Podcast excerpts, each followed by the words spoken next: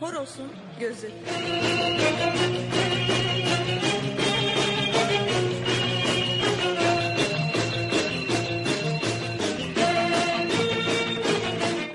Kültür, sanat, şiir, felsefe,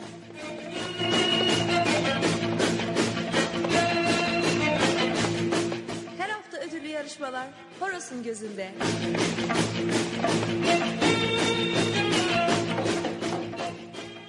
Horos'un gözü.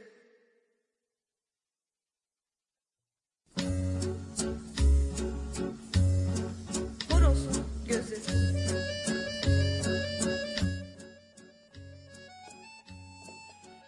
İyi akşamlar. Horos'un gözüne hoş geldiniz sevgili sanatseverler. Her salı akşamı olduğu gibi yine bir Horos'un gözünde buluştuk. Bugün 14 Mayıs 2013. Ee, ocağın 17'sinde başladığım Horos'un gözü serüvenine tam neredeyse 4 ay tamamladık ve toplam 16 yayın gerçekleştirdik. Bunun 15 tanesini podcast olarak iTunes'a ve sitemize e, aktardık. emirmahmutoğlu.org sitesine. Bunca zaman bana ve amatörlüklerime sabredip takipte kaldığınız için hepinize minnettarım. Ee, dinleyici kitlemizde e, bir şey çıkarttım, tablo diyeyim. Ee, en az dinleyicimizin olduğu hafta 20 kişiydik ve en fazla olduğunda da e, 211 kişi idik. Bu gerçekten harika bir olanak benim için. Ee, sanat konuşmak, paylaşmak için muhteşem bir fırsat gerçekten ve bu fırsatı e, benimle paylaşarak bana katkıda bulunduğunuz için hepinize çok ama çok teşekkür ediyorum. Sevgili sanatseverler bugün e, Horos'un gözünde neler var şöyle bir göz atalım. E, tabii ki elbette ki her zaman olduğu gibi sanatın öyküsüne devam edeceğiz. Bugün sanatın öyküsünde 14. yüzyıl e, sanatını biraz bakacağız. Bu bölüme saraylılar ve e, kent soylular, burjuvalar adını veriyoruz. O döneme bir göz atacağız. Sonra e, radyo tiyatromuzda yine e, Don Quixote olacak ama Don Quixote'un son bölümü artık bu hafta. Sonlandırıyoruz 15. bölümle. E, haftaya yeni bir radyo tiyatrosuna geçeceğiz. Sizler için bakalım ne seçeceğim. Henüz sürpriz. Henüz seçmedim çünkü. Ee, bol bol müzik dinleyeceğiz tabii ki. Ee, sanat sohbetleri edeceğiz. Ee, kitap kulübümüzü tekrar bir hatırlatayım. Horos'un kütüphanesi. Bu yine devam ediyor. Ee, sizlerden gelen bağışlarla kitap kulübümüz e, yani kütüphanemizde 50 50 civarında kitap oldu. Bunun listesinde yine sitemden emirmahmutoğlu.org sitesinden görebilirsiniz. Ee, oradan istediğiniz herhangi bir kitap olursa bana sadece bildirmeniz, yazmanız yeterli. Ee, ben bu kitabı bir şekilde size ulaştıracağım. Ee, isterseniz bu kitap sizin olacak, isterseniz okuduktan sonra yeniden bana geri gönderebilir, Horos'un kütüphanesine geri gönderebilirsiniz, geri verebilirsiniz ve başkalarının okuması için yine kütüphanemize katabilirsiniz. Onu da belirtelim. Yalnız bu hafta e, tabii ki de bir ödüllü yarışmamız var yine her zaman olduğu gibi. E, ancak ödüllü yarışmamızın hediyesi bu hafta kitap değil. E, bu hafta iki kişilik bir tiyatro davetiyesi vereceğim bir kişiye. E, Rotterdam'da Her Yöne 90 Dakika adlı bir komedi oyunu oynanıyor. E, bu oyuna iki kişilik davetiye vermek istiyorum. 20 Mayıs'ta 20 Mayıs 2013'te e, Tiyatro Zahit Play'inde saat 20.30'da olacak bu oyun. Ee, dediğim gibi her yöne 90 dakika adlı oyun. Buna iki kişilik davetiye vereceğim. Bu davetiye normalde tek kişi için 19 euro. 19 euro bu davetiyenin fiyatı. Ama e, radyomuza hediye edilen iki kişilik davetiyeyi ben de sizlere aktaracağım.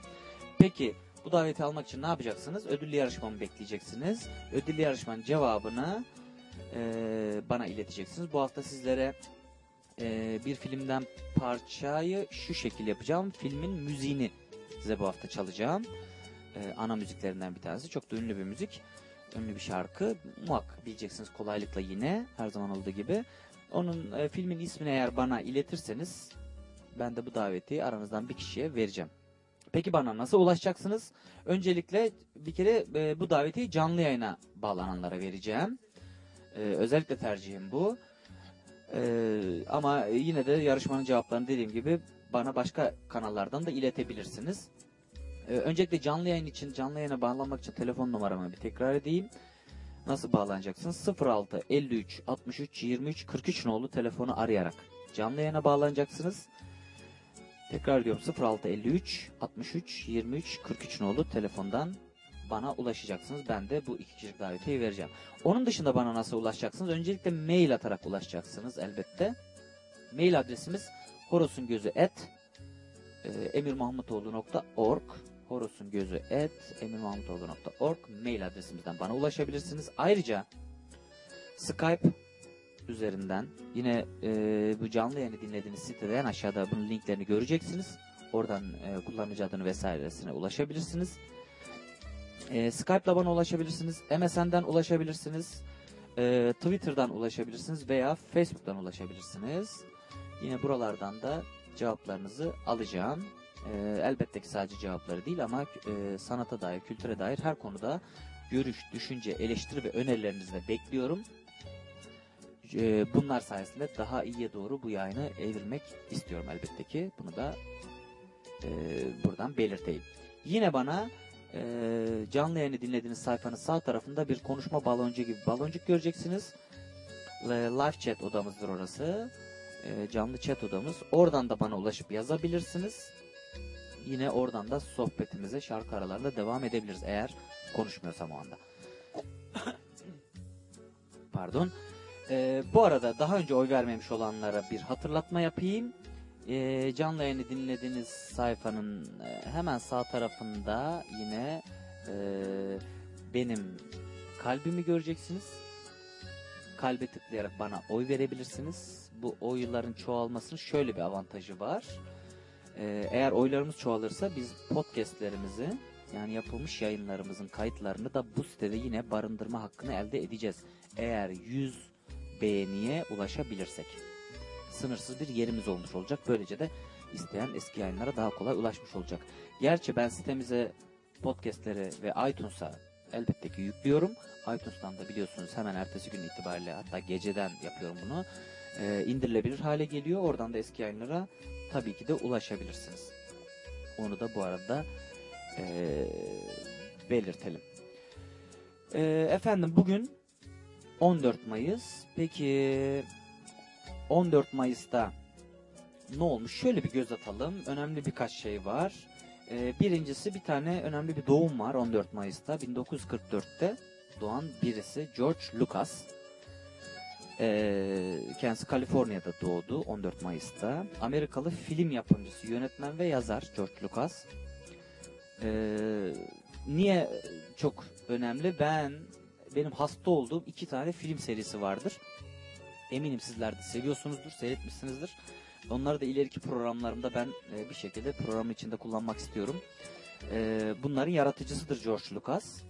Yapımcılığını ve yönetmenliğini yapmıştır. E, bir tanesi Star Wars, Yıldız Savaşları, bir tanesi de Indiana Jones. Bu iki filmin e, yaratıcısıdır.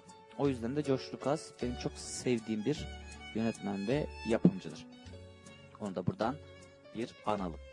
Skywalker'ın biliyorsunuz maceralarını yıllarca hakikaten benim gibi hele bilim kurgu sevdalısıysanız özellikle takip etmişsinizdir diye tahmin ediyorum. Bugün bir de unutmayalım bugün Eczacılar Günü 14 Mayıs. Ee, bizi dinleyen, Türkiye'den dinleyen hemşire dostlarımıza da buradan sevgilerimi iletiyorum. Ee, Eczacılar Günü'yle onları bağdaştırmıyorum ama e, Hemşireler Günü'ne denk gelmedik o yüzden e, Eczacılar Günü dolayısıyla tıpla bağlantılı bir konu diyerekten onların da e, onlara da bir buradan sevgilerimizi gönderelim diyoruz. Bir de iki tane e, önem verdiğim ölüm var 14 Mayıs'ta gerçekleşmiş. E, bir tanesi August e, Strindberg 1912'de öldü 14 Mayıs'ta. E, bu August İsviç, İsveçli oyun yazarı ve romancıdır. E, 120'den fazla eseri vardır. E, August'un e, Strindberg'in önemi de şudur. Avrupa ve Amerikan tiyatrosunu çok çok etkilemiş bir oyun yazarıdır. E, toplumsal eleştiriler ve kadın erkek çatışmasını anlatmıştır çoklukla oyunlarında. Ve e, bir, bazı oyunlar da halen günümüzde de oynanmaktadır, devam etmektedir. Bayan Yuli mesela ölüm dansı, e, ne bileyim hayalet sanatı, bazı oyunları hala tiyatrolarda oynanıyor dediğim gibi. O yüzden de e, önemli bir tiyatrocudur. Bir başka tiyatrocunun da bugün ölüm yıl dönümü. E, 1984'te kaybettiğimiz e, Vasıf Öngören ki kendisi Amsterdam'da ölmüştür. E, bu da önemli bir tiyatrocumuzdur. Tiyatrocudur, yönetmendir, yazardır ve aynı zamanda tiyatro kuramcısıdır kendisi. E, Brechtian tiyatronun biçimsel özelliklerini işte epik tiyatroyu Türkiye'de ilk uygulayan kişidir kendisi. Bu yüzden de önemlidir. Onu da bir anmak isterim.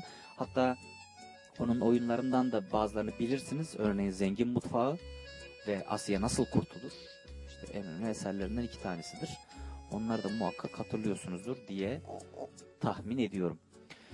Efendim şimdi bir müzik arası vereceğim. Arkasından sanatın öyküsüne geçeceğiz. Yavaş yavaş e, kent soylular ve saraylar e, 14. yüzyılın sanatına bir göz atacağız ufak ufak. E, çok bölmeyeceğim. Geçen hafta biraz böldüm. Şöyle bir eleştiri aldım. Konu kopuyor. Beşer dakikada bir ara verirsem diye. Onu biraz daha yayacağım. 5 e, dakikada bir müzik koymayacağım sanatın öyküsünde ama bir herhalde bir 10 dakikada bir e, yaparız diye düşünüyorum. Zaten 2 bölüm ya da 3 bölüm olur en fazla. E, bir 20-25 dakika o konuyu konuşuruz diye düşünüyorum. O yüzden şimdi bir müzik arası vereceğim ve arkasından sanatın öyküsüne geçeceğiz. Ee, biliyorum eski şarkıları sevdiniz. Onlara devam etmemi de istediğinizi biliyorum. Ee, ancak e, onları ben yayının sonuna doğru devam edeceğim. O arada seçtiğim e, yeni Türk gruplarından biraz müzik çalmak istiyorum size. Biraz rock'la pop arası müzikler çalmak istiyorum. E, o yüzden kolpayla başlıyoruz. Böyle ayrılık olmaz diyerekten. Ve peşi sıra yine ben karşınızda olacağım. Derdi ki seninle bir gün ayrılacağız. Geçip giden yılların ardından bakacağız. Kim derdi ki bir tanem gün gelip bıkacağız. Ben ve yenik yüreğim yalnız mı kalacağız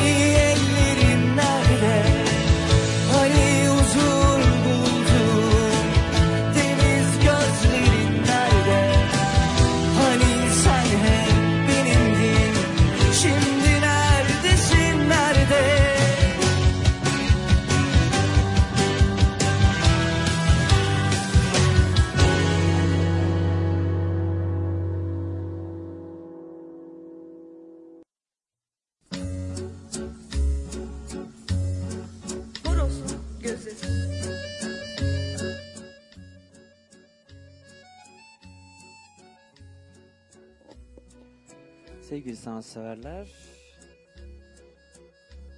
sanatın öyküsüne hoş geldiniz. Ama ben tabi bizim sanatın öyküsünü jingle'ını çalmayı unuttum. Aferin bana. Bir 10 saniye hemen onu çalıvereyim efendim. Kayda girsin.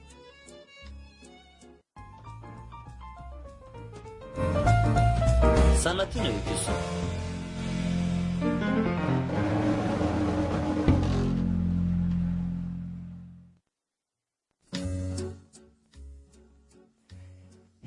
Saniye için yayını kesmiş oldum. Tuhaf oldu. Neyse olsun bu seferlik de böyle olsun. Efendim bir saniye pardon. Sanatın öyküsünde e, yine her zaman olduğu gibi siteden e, resimlerle takip edebilirsiniz anlattığım şeyleri. emirmontol.org e, sitesinin ana sayfasında bir takım resimler göreceksiniz. E, ben o resimleri bugün anlatacağım size. E, aralarda o ekstra bilgiler vereceğim. E, eğer oradan da e, takip ederseniz daha kolay olacaktır mu- muhtemelen. Bugün 14. yüzyılı konuşacağız biraz. E, bu döneme saraylılar ve kent soylular yani burjuvalar adını veriyoruz. E, biraz ona bakalım. E, biliyorsunuz geçen haftalarda konuştuk. 13. yüzyıl hemen hemen bütün sanat dallarının yer aldığı büyük katedraller 100 yıl olmuştu ve bunu konuşmuştuk. E, bu büyük yapılardaki çalışmalar 14. yüzyılda ve sonrasında da sürdü ama e, artık sanatın ana odak noktası değildi. Bu dönem sırasında dünyanın büyük ölçüde değiştiğini unutmamamız gerekir. E, 12. yüzyılın ortasında gotik üslup daha yeni gelişirken e, Avrupa henüz gücün ve bilginin asıl merkezleri manastırların ve baronların şatolarının olduğu az nüfuslu bir köylü kıtasıydı aslında. Ee, büyük psikoposluk bölgelerinin görkemli katedrallere sahip olmak tutkusu kentlerde uyanmakta olan yurttaşlık gururunun da ilk belirtileri sayıldı. Ee, ama 150 yıl sonra bu kentler kendilerini giderek kilisenin ve derebeylerinin e, gücünden bağımsız hisseden burjuvaların yaşadığı yoğun ticaret merkezleri haline geldiler. Ee, artık soylular bile tahkim edilmiş şatolarında sıkıcı bir inziva içinde yaşamlarını sürdürmüyor, sürdürmeyip kudretlerin kudretlilerin saraylarında zenginliklerini gösterme olanağı yaratacak rahatlık ve lüksle dolu bir e, kentlere e, artık taşınıyorlardı.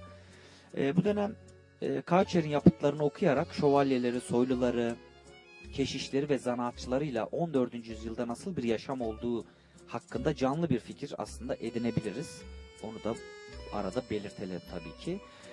E, artık dünya bu dönemde e, ne Namburg kurucularına ki bunu daha önce işlemiştik. Namburg kurucularına bakınca hatırladığımız Haçlı Seferler dünyasıydı. Ne de şövalyelerin erdemlerinin dünyasıydı. E, dönem ve üsluplardan söz ederken fazla genelleme yapmak elbette ki biraz tehlikelidir. E, istisnalar ve bu tür genellemelere uymayan örnekler her zaman olacaktır. Ancak bu istisnalar bir yana bırakılacak olursa 14. yüzyıl beğenisinin görkemlilikten çok zerafetten yana olduğunu e, açık ve net söyleyebiliriz. Bu özelliği dönemin mimarisinde açıkça görülür. İngiltere'de ilk katedrallerin erken İngiliz diye bilinen işte katıksız gotik üslubuyla süslü gotik denilen sonraki gelişmeleri birbirinden ayırabiliriz çok net şekilde. E, süslü gotik adı adı değişen zevki tanımlıyor aslında. Onu tanımlamak için bu isimle hitap ediyoruz biz buna. E, 14. yüzyılın gotik mimarları artık eski katedrallerin görkemli çizgisiyle yetinmiyorlardı. Süslemelerde ve karmaşık taş kafeslerde becerilerini göstermek istiyorlardı elbette ki. E, örneğin resim 1'e bakarsanız e, Exeter Katedrali'nin batı penceresidir bu ve bu üslubun da çok tipik bir örneğidir. E, 1350-1400 dolaylarında yapılmıştır. Bu süslü üslup adı verilir buna. Muhteşem bir e, girişi vardır gerçekten. Resimde de bunu çok net şekilde görebilirsiniz. E, bu kiliseler mimarların başlıca girişimleri değildi artık tabi. Gelişmekte olan zengin kentlerde tasarlanması gereken artık belediye binaları, ne bileyim lonca merkezleri, okullar, saraylar, köprüler, kent kapıları gibi e, dünyasal birçok yapı vardı. Bu yapı türleri arasında en ünlü ve dikkat çeken binalardan bir tanesi de İkinoğlu resmimizdir. Yine o dönem yapılmış. 1309'da yapılmış bir şey bu. E, Venedik'teki Dükalık Sarayı'dır. E, kendimin de gördüğü o köprünün hemen dibindeki muhteşem bir binadır gerçekten e, Venedik'e yolunuz düşerse bu Dükalık Sarayı'nı illaki gezin. içini de dışını da. E, sarayın yapımına 14. yüzyılda Venedik kentinin güç ve zenginlik bakımından doğruğa çıktığı bir sırada başlanmıştı. 1300'ün başlarında 1309'da. Bu saray zevkli süslemelerine ve incelikli taş kafeslerine karşın yine de görkemli bir etki oluşturan gotik üslubun da geç dönem gelişmesini de gösteriyor aslında bize. 14. yüzyıl heykel sanatının e, en dikkat çeken yapıtları zamanın kiliseleri için çok sayıda yapılmış olan taş heykellerden çok. Ee, belki de dönemin e, dönemin ustalarının mükemmel bir başarıya ulaştıkları değerli maden ve fil dişinden yapılmış ince işlerdi tabii ki. Ee, bununla ilgili de 3 nolu resme bir göz atabilirsiniz. Ee, bu 3 nolu resimde de bu e, yapının e, mükemmeliyetini e, görme şansımız vardır. Bir Fransız kuyumcusu tarafından yapılan e, Meryem'in gümüş üzerine altın kaplama küçük bir heykelidir bu. E, bu tür yapıtlar halka açık tapınma yerleri için değil de daha çok özel şapeller için yapılıyordu aslında. Bunlar e, katedral heykelleri gibi arada bir araya bir mesafe koyan törensel bir e, soğuklukla yapılmıyorlardı. Sevgi ve şefkat duyguları uyandırmaya çalışıyorlardı. E, Parisli kuyumcu Meryem'i Meryem'i e, gerçek bir ana, İsa'yı ise küçücük elini annesinin yüzüne uzatan gerçek bir bebek gibi düşünmüş. Ee, sanatçı herhangi bir katılık izlenimi bırakmaktan kaçınmış. Figüre hafif bir bükülme vermesinin nedeni de budur. Farkındaysanız. Ee, Meryem çocuğu rahat taşıyabilmek için kolunu kalçasına dayarken yüzünü de ona doğru çeviriyor tabii. Ee, böylece tüm vücut S harfini andıran zarif bir kıvrım içinde hafifçe dalgalanıyor gibi görünüyor. Ee, o dönemin gotik sanatçıların çok hoşlandıkları bir şeydi bu. Ee, çok da tipik bir özelliğidir gerçekte de e, bu heykeli yapan sanatçı olasılıkla ne Meryem'in bu özel duruşunu ne de onunla oynayan çocuk İsa motifini yaratmıştı. Bu, bu gibi şeylerde moda olan genel yönelimi muhtemelen izlemişti. Onun kişisel katkısı her bir ayrıntının nefis işlenişinde, e, işte ellerin güzelliğinde, bebeğin kolunun bükümlerinde, ne bileyim gümüş üzerine altın kaplama minelerden oluşmuş şahane yüzey bölümünde ve ayrıca e, bir o kadar önemli olan uzun ve narin bir vücudun üzerindeki e, bir zarif başla e, heykelde oluşturulan hatasız orantıdır. E, büyük gotik ustalar tarafından yapılan bu yapıtlarda rastlantısal hiçbir şey yoktur. Sağ kol dökülen kıvrımları, kumaş kıvrımları e, türünden ayrıntılar, işte sanatçının zarif ve ahenkli çizgiler bulma çabasındaki sonsuz aslında özenini bize göstermekte. Müzelerde önlerine sadece şöyle bakıp geçerek e, böyle yapıtların hakkını hiçbir zaman veremeyiz. E, bunu unutmayalım. Bu yapıtlar bu işin sahici uzmanlarınca değerlendirmek üzere yapılmışlar ve saygıya layık e, şeyler sayılmışlardır ve bu tür yapıtlarda mümkünse biraz daha fazla zaman harcarsak eğer e, çok daha güzel olacaktır ve hakkını vermiş sayılacağızdır. E, efendim bir, bir kısa müzik arası vermek istiyorum. Hmm, çünkü e, bir telefon geliyor ve bu telefona cevap vermek zorundayım. E, yarınki bir işimle ilgili maalesef. O yüzden ben bir ufak müzik arası vereyim. E, orada bir görüşmemi yapıp vereyim. Hemen peş sırada yine size döneyim. e, kaçak des, kaçak ayrılık şarkısı söylesin bize. Hemen arkasından sizlerle birlikteyim. Ben yokmuşum gibi sen rahat yaşa Hiç olmamış farz et Keyfini bozma. Sen güçlü ol yine. Gücünle hırpala. Beni yaktığın gibi. Git yak onları da. Bana neler oldu,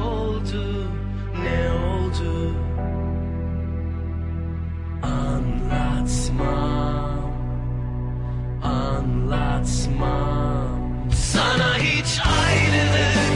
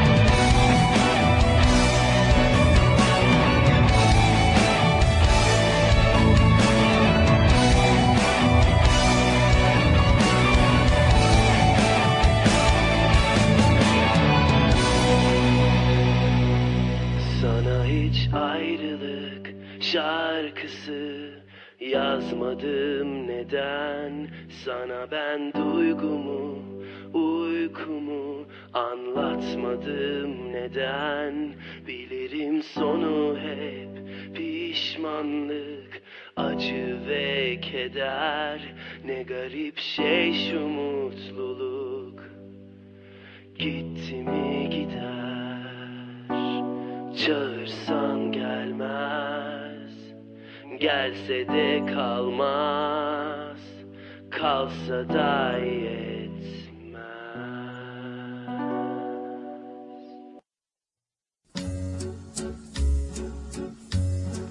Horoz gözleri. Tekrar merhaba sevgili sanatseverler. Küçük bir ara verdik. Hem müzik dinlemiş olduk hem de ben o arada işimi halletmiş oldum. Ben yarın e, UEFA Kupası finalinde görevli olduğum için onunla ilgili bir şeydi. e, konfirme telefonuydu. O yüzden biraz önemliydi. E, anlayışınız için teşekkür ediyorum. Kaldığımız yerden devam ediyoruz efendim. E, 14. yüzyıl ressamlarından e, biraz bahsedeceğiz. Bu ressamların zarif ve ince ayrıntılara tutkunluğu. Dört nolu resme bakınız bu arada. E, Kraliçe Mary'nin Mezmurlar kitabı olarak bilinen ünlü İngiliz e, mezmur kitabı türünden resimli el yazmalarında görülür bu zarif ve incelik. E, bu dört nolu resimde İsa'nın tapınakta bilgin e, yazmanlarla konuşmasını gösterir. E, onu yüksek bir tabureye oturtmuşlar ve o da Orta Çağ sanatçılarının bir öğretmen olarak çizmek istediklerinde e, kullandıkları jestlerle öğretisinin bazı ilkelerini e, açıklarken görülüyor.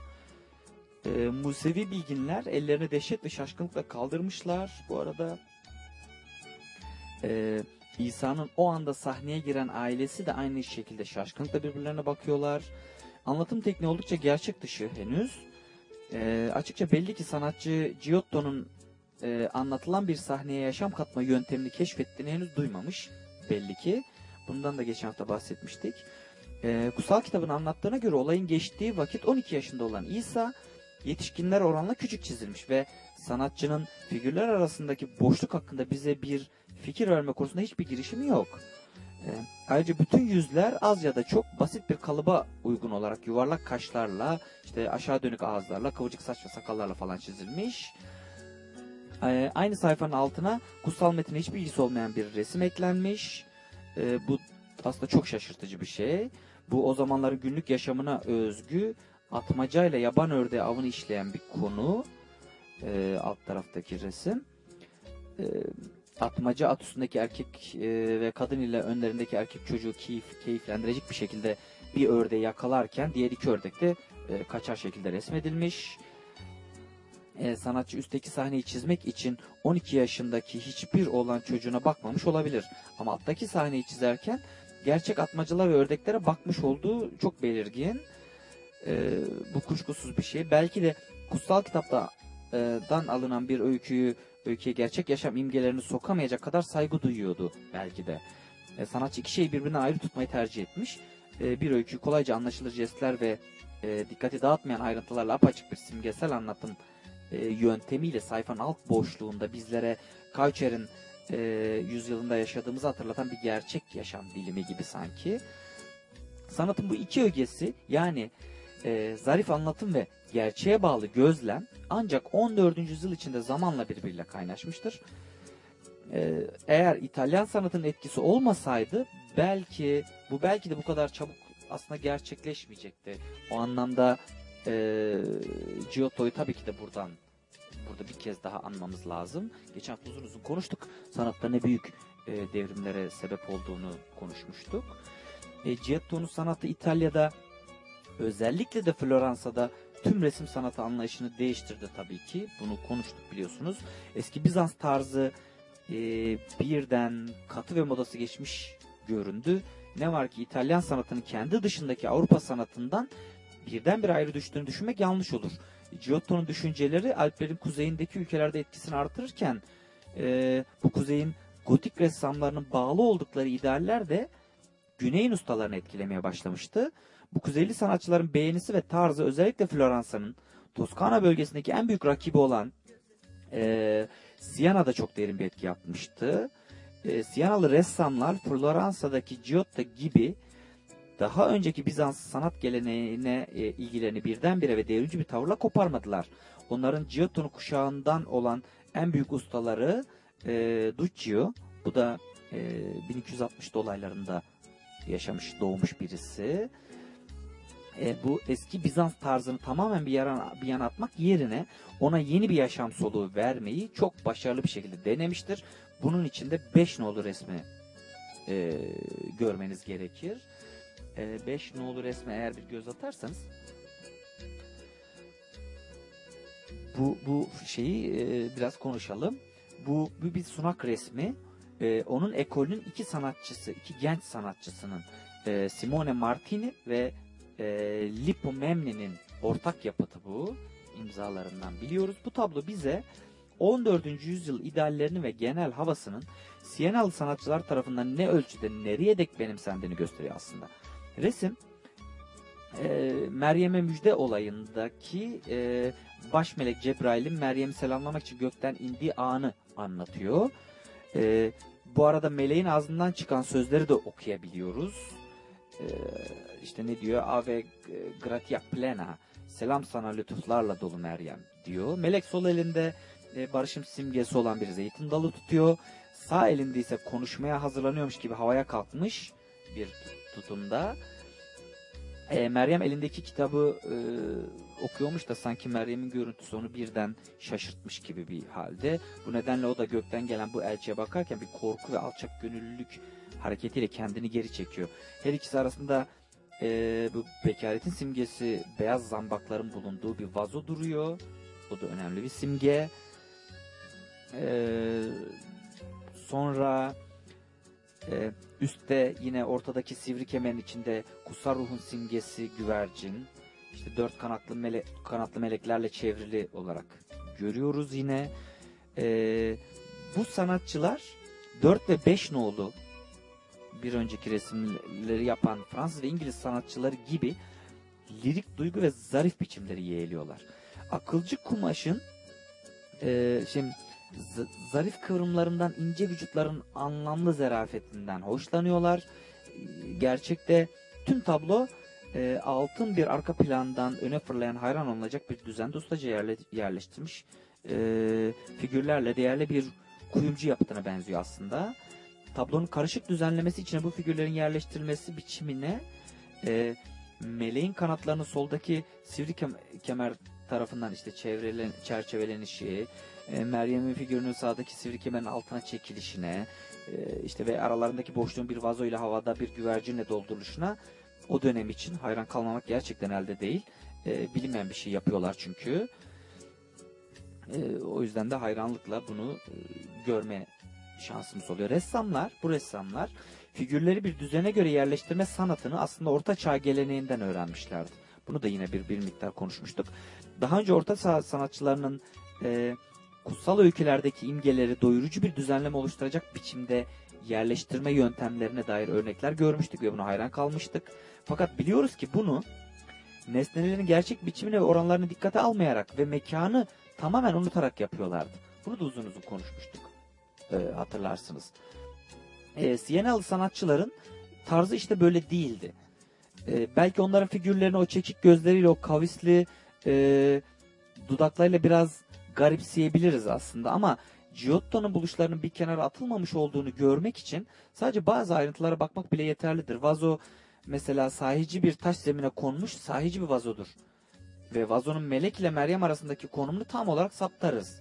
Bunu görebiliriz. Bu daha bundan önceki resimlerde bu yoktur örneğin. E, Meryem'in oturduğu koltuk arka planda uzaklaşan e, uzaklaşarak çizilmiş gerçek bir koltuk gibidir. E, elinde tuttuğu kitap yine yalnızca bir kitap simgesi değil, işte üzerine ışık vuran, sayfa aralarına gölge konmuş, gölge düşen, sanatçının da büyük bir olasılıkla stüdyosunda bir dua kitabını inceleyerek yaptığı e, aslında bir gerçek e, şeydir, e, gerçek bir kitaptır. E, burada Giotto kendisini anan Floransalı büyük şair e, Dante'nin de çağdaşıdır aynı zamanda. Bu resim 5'in sanatçısı Simone Martini de bir sonraki kuşağın en büyük İtalyan şairi e, Petrarca'nın arkadaşı olmuştur. Günümüzde de Petrarca sevgilisi Laura için yazdığı aşk soneleriyle tanınır. Belki biliyorsunuzdur. Bunlardan öğrendiğimize göre de Simone Martini Laura'nın bir portresini yapmış ve Petrarca bu eseri çok beğenmiş. Öyle biliyoruz. E, Orta Çağ'da bizim anladığımız tarzda portrelerin yapılmadığını ve e, sanatçıların baskıma kalıp e, bir adam ya da kadın figürü çizip kimin resmi olarak yapıldıysa üzerine de o kişinin ismini yazmayı yeterli bulduğunu görmüştük. Bunu biliyoruz zaten. Ne yazık ki Simone Martin'in Laura için yaptığı portre kaybolmuştur ve biz bu resmin gerçeğe benzerlik derecesini maalesef bilemiyoruz. Ee, ancak bu sanatçının 14. yüzyılın önceki sanatçılarının e, doğadan gerçeğe benzer resim yaptıklarını ve portre sanatının bu dönemde geliştiğini biliyoruz. E, belki de bu gelişmede Simone Martin'in doğaya bakışı ve ayrıntıları gözleme tarzı işte Avrupalı sanatçıların onun buluşlarını öğrenmek için e, bol fırsat bulmasının belki de payı vardı. E, Petrarca gibi Simone Martini de o vakitler Roma'da değil Güney Fransa'daki e, Papalık Sarayı'nda yıllarını geçirdi. E, Fransa tabi o dönem hala Avrupa'nın merkeziydi ve e, Fransız düşüncelerinin ve üsluplarının her yerde büyük bir etkisi vardı. E, Almanya Prag'da oturan Lüksemburg asıllı bir sülale tarafından yönetiliyordu. Prag Katedrali'nde bu dönemde yapılmış çok güzel büstler vardır. Kiliseye yardım eden kişileri betimleyen bu büstler de bu eskiden konuştuğumuz, daha önceki e, yayınlarda konuştuğumuz e, Naumburg kurucuların heykelleri gibi aynı amaca hizmet etmişlerdir, ederlerdi. Ama artık burada kuşkuya yer yok. Çünkü bunlar gerçek portreler. Bu büst dizisi, şimdi Altınoğlu resme bir bakarsanız eğer, e, bunları yapan sanatçı genç Peter Parler'ınki de dahil olmak üzere ki bu Peter'ın Peter Parler'ın eseridir. Çağdaş kişilerin büstlerini içermekte ve e, bu büst çok büyük bir olasılıkla bir sanatçının bilinen ilk gerçek kendi portresidir. O yüzden de çok değerlidir, çok da önemlidir. Altınoğlu resim. Ee, hemen bir efendim kalan bölümümüze bir göz atayım. Ee, bir ufak şarkı arası daha vereyim. Ondan sonra devam edeyim. Ee, hem bir nefeslenmiş olalım. Hem bir e, çayımızı kahvemizi tazeleyelim. Gerçi ben çay kahve dışında bir şeyler içiyorum bugün ama e, şöyle söyleyeyim milli iç, milli içeceğimizi içiyorum. Ayran diyeyim de. E, Türkiye'dekileri şey yapmayalım, germeyelim. Hayır efendim, e, valla çok güzel. Hollanda birası içiyorum, haberiniz ola. Siz de çayınızı kahvenizi yenileyin, bir şarkı arası verelim. Yalnız bu şarkımız e, Burhan arkadaşımıza gitsin. E, onun için Türkiye'deki arkadaşlarımız bir istek yapıyorlar. E, İnce Saz'dan geliyor. Burhan, dinliyor musun? Bu senin için geliyor. Dikkatli dinle. Çok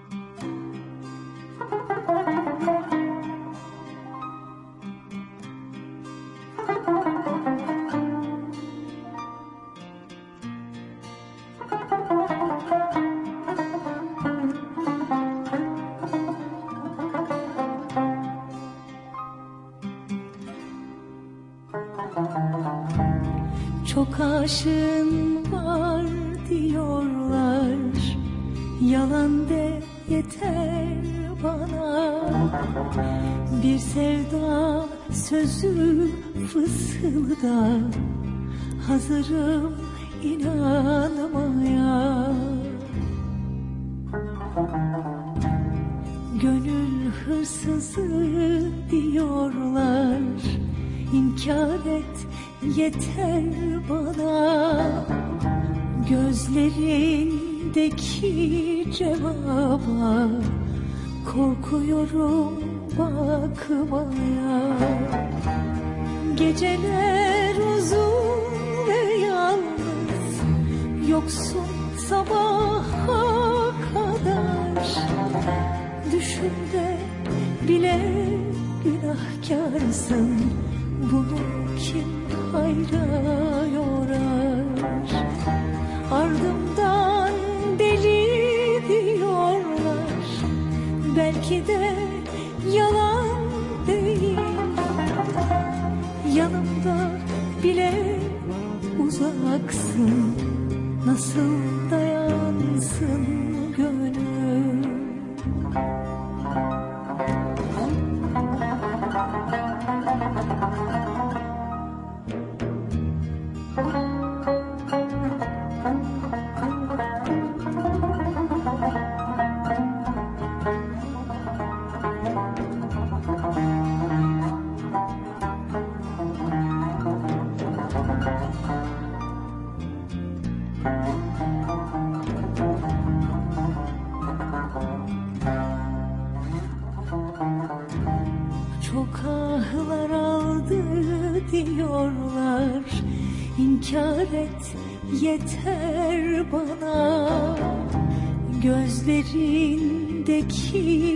Cevaba Korkuyorum bakmaya. Geceler uzun ve yalnız Yoksun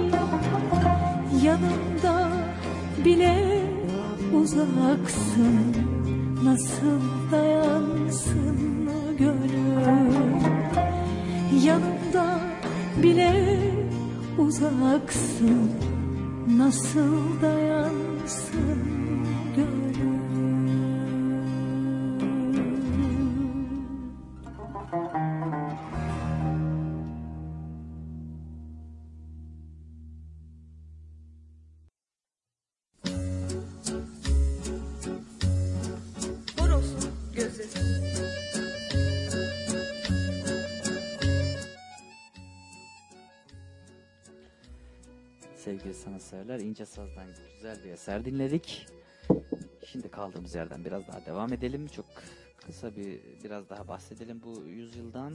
Fazla da sıkmayacağım sizi. Ee, ondan sonra da normal yayınımıza devam edeceğiz.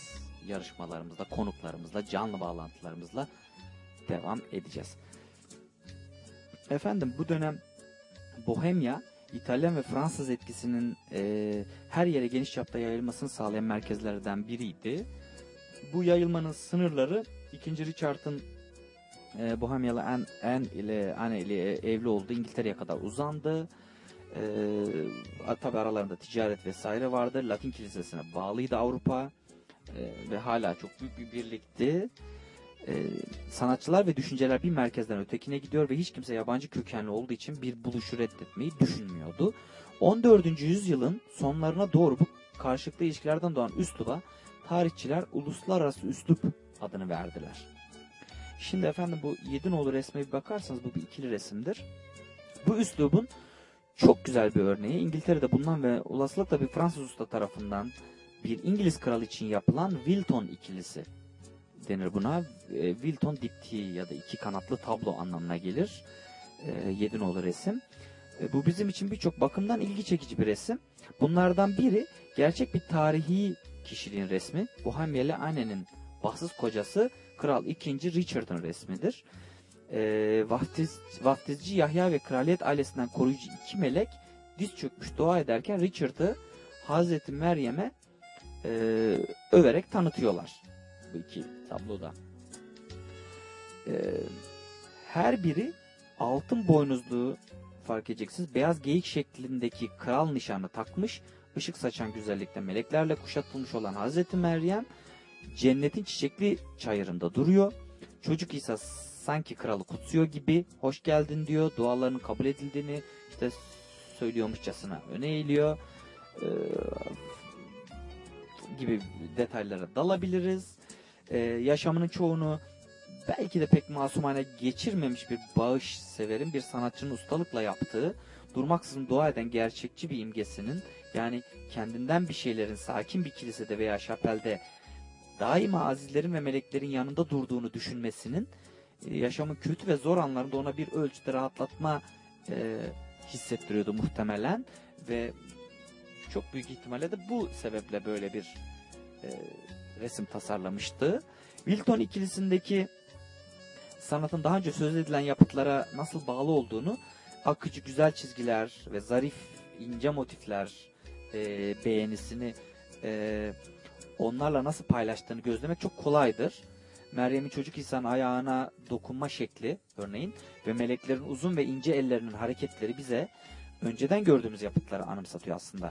Bu bir kez daha sanatçının örneğin perspektif kısaltımdaki ustalık becerisini, tablonun sol köşesinde e, diz çökmüş melekte nasıl kanıtladığını, işte bunu bildiğini kanıtladığını, e, hayalindeki cenneti süslemek için birçok çiçeğin çiziminde doğadan yaptığı çalışmaları kullanmaktan nasıl hoşlandığını da çok net şekilde görebiliyoruz. E, uluslararası üslup sanatçıları aynı gözlem gücünü, aynı güzel, e, zarif şeyler beğenisini kendilerini çerçeve, çevreleyen e, dünyayı resimlerle resimlerlerken de kullandılar. Orta Çağ'da takvimleri ekin ekme, avlanma, ekin toplama gibi e, ayın değişik uğraşlarını gösterecek şekilde resimlemek adetti. E, Limburg kardeşlerin atölyesine e, bu da 8 nolu resimdir bir göz atarsanız eğer e, zengin bir Burgonya dükünün sipariş ettiği bir dua kitabına ekli bir takvimdir bu. E, bu resimler e, Kraliçe Mary'nin Mezmurlar kitabından ki 4 nolu resimde bunu görmüştük. Bu yana gerçek, o, o zamandan bu yana gerçek yaşamdan yapılan e, ne kadar canlılık, böyle resimler ne kadar canlılık, gözlem gücü kazandıklarını göstermektedir aslında. Bu minyatür, minyatür saray, saray mensuplarının her yıl kullandığı bahar bayramını anlatıyor bize. E, Tabi moda uygun giysiler giymiş kızlar ve erkekler var. E, bu, bu görüntüden muhtemelen sanatçı çok hoşlanıyor, çok zevk alıyor. Ve bir kez daha e, Coucher'ın ve onun gezginlerini düşünmek zorunda kalıyoruz. Çünkü bizim sanatçımız da değişik tipleri belirlemek için büyük bir uğraş vermiş ve bunu çok becerikli bir şekilde yapmış. Sanki onların konuştuğunu duyar gibisiniz bu resimde. İşte kafasına arkaya çevirişi, e, ne bileyim e, diğer atın üzerindeki e, kadınla konuşması vesaire gibi detaylar bunu bize anlatır. E, sanatçının bu sayfaya doldurduğu bütün nefis ayrıntılar bir araya gelerek sanki gerçek bir sahnenin resmini oluşturuyorlar ama yine de bu tam bir gerçek sahne değil. Çünkü sanatçının arka planı bir ağaç perdesiyle kapattığını ve arkasına da büyük bir şatonun kulelerini ve damlarını e, yerleştirdiğini fark ediyoruz. Onun sanatı ondan önceki ressamların simgesel anlatım tekniğinden o kadar farklı ki onun da figürler arasına yeterli hareket boşluğu vermediğini ve gerçek yanılsamasını daha çok ayrıntılardaki özenli dikkatle sağladığını e, anca fark edebiliyoruz. İşte onun ağaçları doğadan çizilmiş ağaçlar değil de daha çok yan yana sıralanmış bir dizi simgesel ağaç gibi. E, yine de yaşamın parlak, mutlu yanlarına olan ilgisi sanatçının tabii ki de e, resim üzerine geliştirdiği düşüncelerin işte hmm, nasıl diyeyim hmm, erken orta çağ sanatçılarınkinden çok farklı olduğunu bu bize gösteren bir şeydir. Ee, e, tabii ki de kutsal öykünün e, el verdiğince artık sanatçılar yavaş yavaş başka şeylere de yönelmeye başlıyorlar, kaymaya başlıyorlar.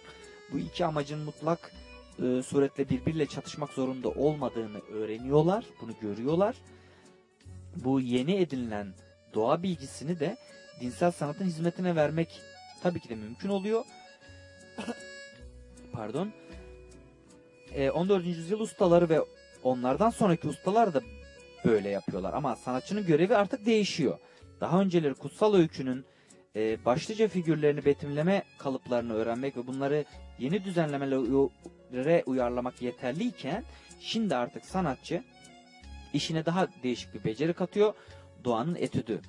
Sanatçı doğada incelemeler yap yapabilmeyi ve bunları resmine de geçirebilmeyi çok istiyor. Bunu da deniyor. İşte eskiz defteri kullanmaya başlıyor. Ee, doğadaki ender güzellikte gördüğü hayvanları ve bitkileri eskizlerini çizip çizip biriktirmeye başlıyor. Bu dönem sanatçılar artık. Ee, sanatçının çalışmalarına bakan halk da onun e, doğayı portrelemesindeki ustalığı ve sanatçının resmine taşımaya başardığı çekici ayrıntıların zenginliğine göre bir yargılamaya başlıyor artık. Bu böyle konuşmaya başlıyor. Ama sanatçılar bir, bir adım daha ileri gitmek istiyorlardı elbette ki bu dönemde. Ee, bu yeni edinilen doğadan çiçek ve hayvanlar gibi ayrıntıları boyama ustalığı onlara yeterli gelmiyordu artık. Görüntü yasalarını keşfetmek, Yunanların ve Romalıların yaptığı gibi insan vücudu hakkında yeterli bilgi edinerek bunu heykellerinde ve resimlerinde kullanmak istiyorlardı. Sanatçıların ilgisi de bu yöne girdikten sonra artık Ortaçağ sanatı sona ermiş sayılıyor.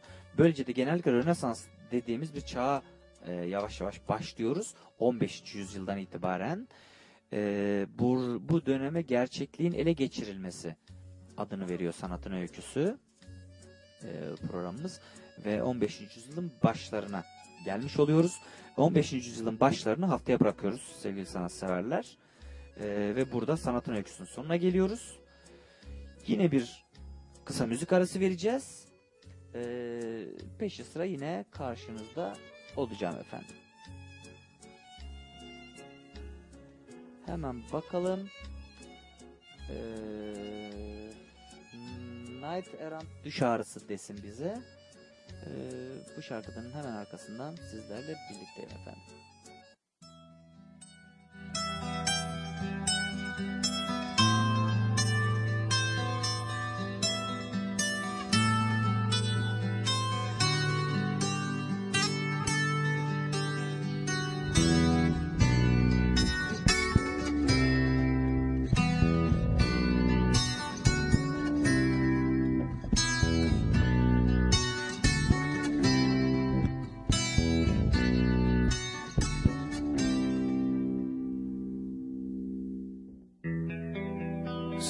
Sözcükler tınlar uzakta. Tanımlar geçmişini Ruhunu ilhak ederken O meşhur gün düşleri. Sözcükler tınlar uzakta. Tanımlar geçmişini Ruhunu ilhak ederken o meşhur gün düşleri Canımı sömüren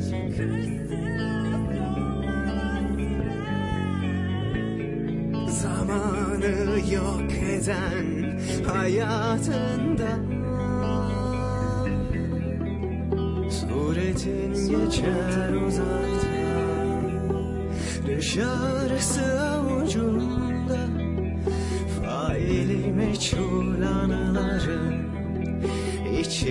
içinde ben sen miyim? Varlığına eş kılan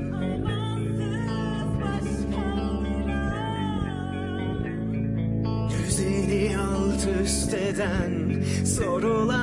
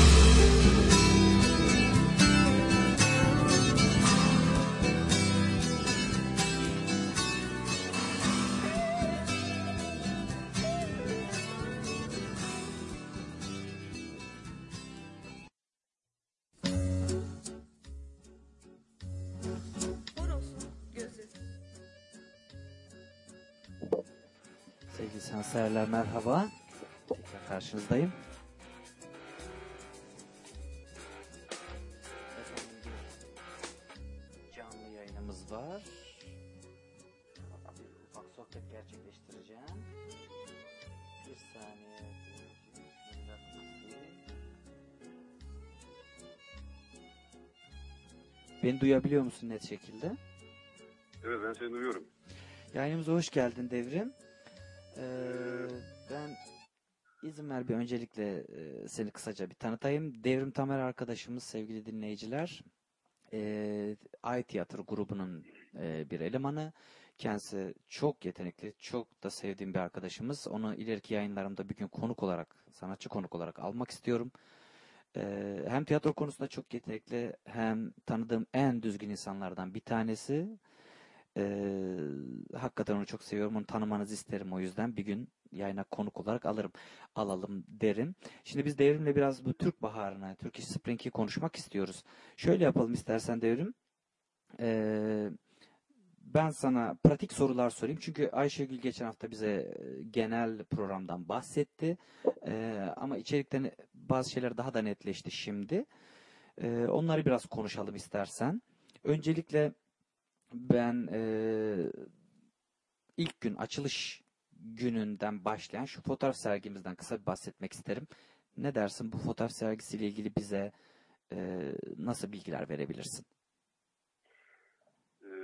Öncelikle bütün dinleyicilere benden de iyi akşamlar diliyorum. Ee, bu fotoğraf sergimiz e, Rize'de, Karadeniz bölgesinde daha doğrusu içeren bir e, doğa fotoğraf sergisi olacak. Hı hı. Ee, elimizdeki bütün imkanları profesyonel e, fotoğrafçıların kendi karelerinden kesintileri sunacağız davetlilerimize.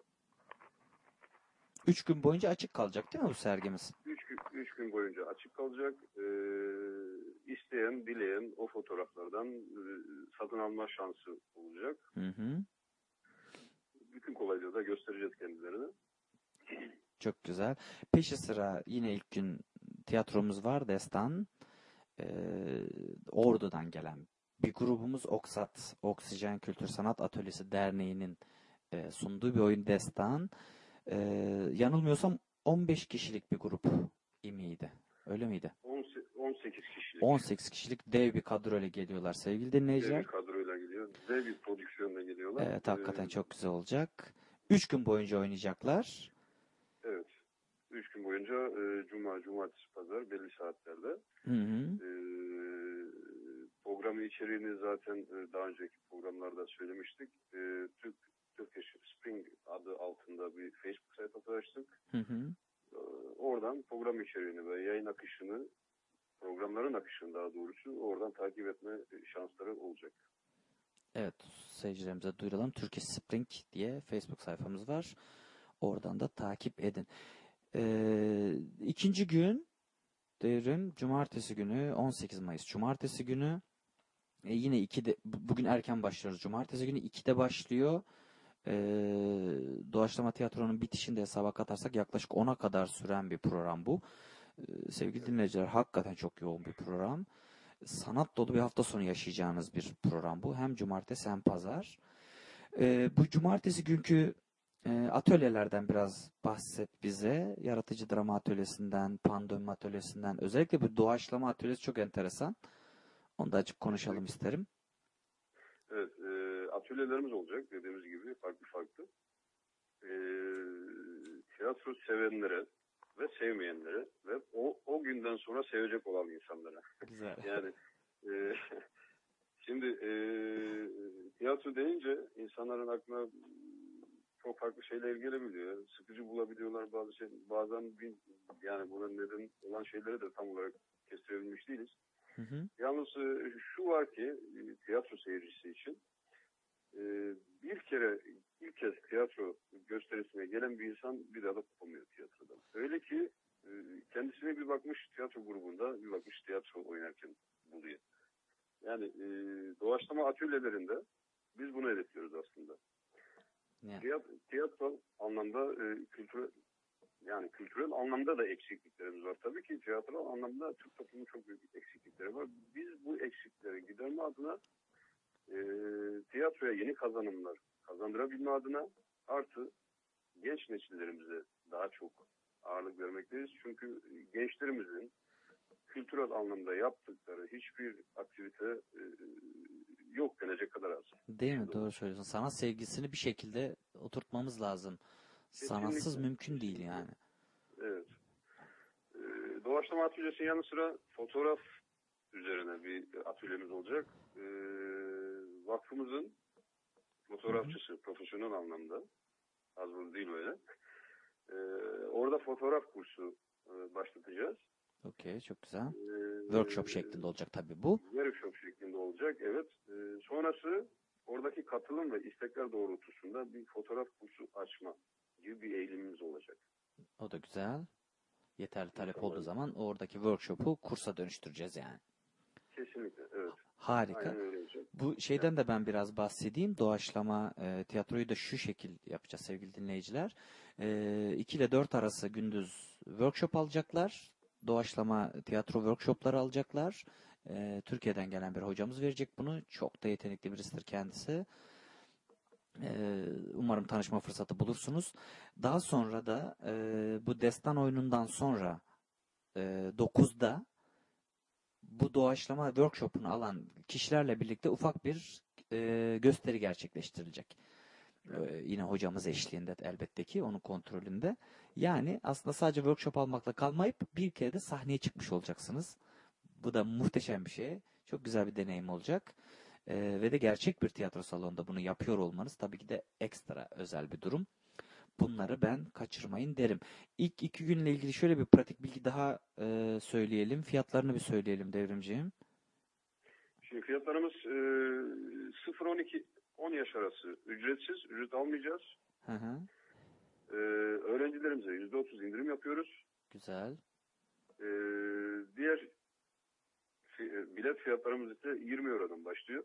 Hı hı. E, sadece pazar günü, pazar günkü aktivite için e, biraz daha farklı fiyatı. Hı hı. Onu da pazar günü konuşalım. Paz- pazar günü konuşunca şey yapalım onu da. E, aslında pa- pazar gününe geçebiliriz artık. 19 Mayıs pazar. Hem işte Gençlik ve Spor Bayramı kutlaması şeklinde olmuş olacak. Hem de yine 2'de başlayacak programımız. E, aynı şekilde workshoplarımız olacak. Yaratıcı drama workshopları, pandomim workshopları, e, fotoğraf workshopları, e, doğaçlama atölyeleri olacak 16'ya kadar. E, 17.30'da bu, bu sefer pazar günü 17.30'da destan oyunu oynanacak, sergilenecek. E, bu arada bu, bunu da e, belirtelim. Onu da bize anlat. E, Hollandalılar da gelebiliyor değil mi bu oyunu seyretmeye? Evet, Çünkü e, Türkiye'den gelen bir grup Türkçe oynayacak. Nasıl olacak bu iş? Onu da bize biraz anlat. Evet, Hollanda'da ilk oluyor aslında. Üç gün e, üst üste aynı oyunu oynayıp sadece oyunla kalmayıp workshoplarla bunu süslemek, artı fotoğraf sergisiyle süslemek e, Hollanda'da ilk olacak. Nasıl olacak? Hollandalıların da gelmesi e, biz oyunu tercüme ettik Hollandaca'ya. Hollanda diline. Ve bunu üst yazıyla e, oyun esnasında, oyun oynanırken Hollandaca üst yazılı olarak oyunumuzu sergileyeceğiz. Güzel. Burada da Hollandalılar, gelen Hollandalı misafirlerimiz e, üst yazı takibiyle, takibi şeklinde oyunumuzu takip edebilecekler. Şunu söyleyeyim, şunu belirteyim. E, oyunu alacağız. Bu organizasyonun olacağı yer, Ostroy, Plandır müthiş bir yer. Müthiş bir e, e, tiyatro sever toplum var orada. Evet Tiyatro- gerçekten küçücük bir yer ama değil mi? Nasıl ilgi var? Kesin, kesinlikle ve marka olmuş bir halde kendileri. Ee, bütün Hollanda'da yaşayan insanlarımızı bekliyoruz çünkü bu böyle bir organizasyon Evet bir daha bir kere olur değil mi? ama- Doğru söylüyorsun. bir daha olur mu bilinmez ama ben e, 99 yılından beri buradayım mesela hiç görmedim. İlk kez buna e, biz imza atma nasip oldu bize. E, Evet. Arkasında büyük bir ekip var e, bu organizasyonun altyapısını sağlama adına, sağlayan kişiler adına. E, buradan herkese çok çok teşekkür ediyorum. E, organizasyonda emeği geçen bütün herkese. E, umarım güzel bir tiyatroya doya doya güzel günler geçireceğiz orada üç gün. Evet, üç günlük bir tiyatro festivali hakikaten harika olacak bence de. Evet. Bu arada sevgili dinleyiciler belirtelim. 19 Mayıs Pazar günkü etkinlik 2'de başlıyor. Ee, 7'den itibaren de e, müzik var, eğlence var. Hmm, kapanış müziği. Bu yemekli de olacak aynı zamanda. Ee, çok güzel müzikler eşliğinde oynayacağız, dans edeceğiz. Ne bileyim belki halay çekeceğiz, horon tepeceğiz. Tulum dinleyeceğiz. Değil mi Devrim? Bu, Tulum. evet. Gerçek Karadeniz tulumu dinleyeceğiz. Ee, bilenler, horon bilenler, horon tepmeyi bilenler muhakkak gelsinler. Şahane bir horon ekibi kurmayı düşünüyoruz orada. Ee, yine diğer dansları da çalınacak e, müzik ekiplerimiz de olacak. O yüzden de bu 19 Mayıs Pazar günü 35 euro. Bunun içine yemekler, aperatifler, içecekler vesaireler dahil şeklinde değil mi? Evet. Yine çocuklarımız ücretsiz. Hı 0-10 hı. yaş arası. Öğrencilerimiz yine 30, %30 indirimli. Ee, diğer şekliyle 35 euro. Hı hı. ile giriş ücreti. Ee, dediğimiz senin de belirttiğin gibi tulum olacak. Konserimiz olacak, canlı müziklerimiz olacak orada. Hı hı. Ee, müthiş bir gece olacak. Öyle Şahane umuyorum ben. yemekler olacak Öyle tabii bekliyorum. elbette ki. Şahane yemeklerimiz olacak. Evet, e, oradan yemeklerimizden tadabil, tadılabilecek. Bize çayımız olacak. Hakiki Rize çay diyorsun yani. Hakiki Rize çay olacak. Ee, Ben kendi ellerimle Oh oh oh süper. Harika. Yani sevgili dinleyiciler, e, Türk Baharı 3 günlük tiyatro festivali etkinliğimiz bu şekilde. Programımız bu şekilde. Bunun genel e, şeyini daha önce yapmıştık zaten. E, Devrim arkadaşımız o zaman teşekkür ederim derim sana. E, tekrar belirtelim 17, 18, 19 Mayıs'ta olacak. Tilyander Kültür Sentrum'da olacak. Oosterwijk'ta. Oosterwijk Tilburg'a yakın bir yer. Uzak demeyin. Üç günlük bir program. En azından bir gününe katılmayı deneyin derim ben. Hakikaten de kaçmaz bir fırsat bu. Haberiniz ola diyelim. Ee, Devrim Memişoğlu'na çok teşekkür ediyoruz. Devrimcim sağ ol yayınımıza katıldığın için. Bizi bilgilendirdiğin için. Ben teşekkür Ee, ederim bana e, yayında söz, e, söz hakkı verdiğin için. Yayına kattığın için. Zaten Cuma'dan itibaren seninle buluşacağız orada. Ondan sonrasında Ay Tiyatro olarak devam edeceğiz. Önümüzdeki haftalarda da onun e, detaylı tanıtımlarını yaparız tiyatromuzun. E, Hangi oyunu oynayacağımızı, ne yapacağımızı, ne edeceğimizi. E, Evet. dinleyicilerimize, seyircilerimizle birlikte şahane, sanat dolu vakitler geçireceğiz umuyoruz. Sana çok teşekkür ediyoruz. İyi akşamlar diliyoruz. Katıldığın için sağ ol. Evet.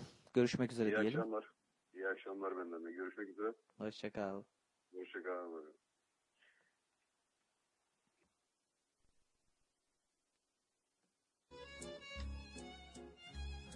Evet sevgili dinleyiciler kısa bir tanıtım yapmış olduk. Ee, son hafta olduğu için bu cumadan itibaren festivalimiz başladığı için bunu özellikle duyurmak istedik. Ee, ben de devrimle birlikte e, geçen hafta katılan Ayşegül arkadaşımızla birlikte bu organizasyonda yer alıyorum biliyorsunuz. Ne kadar sanat aşığı olduğumu da biliyorsunuz. Hepinizi gerçekten bekliyoruz.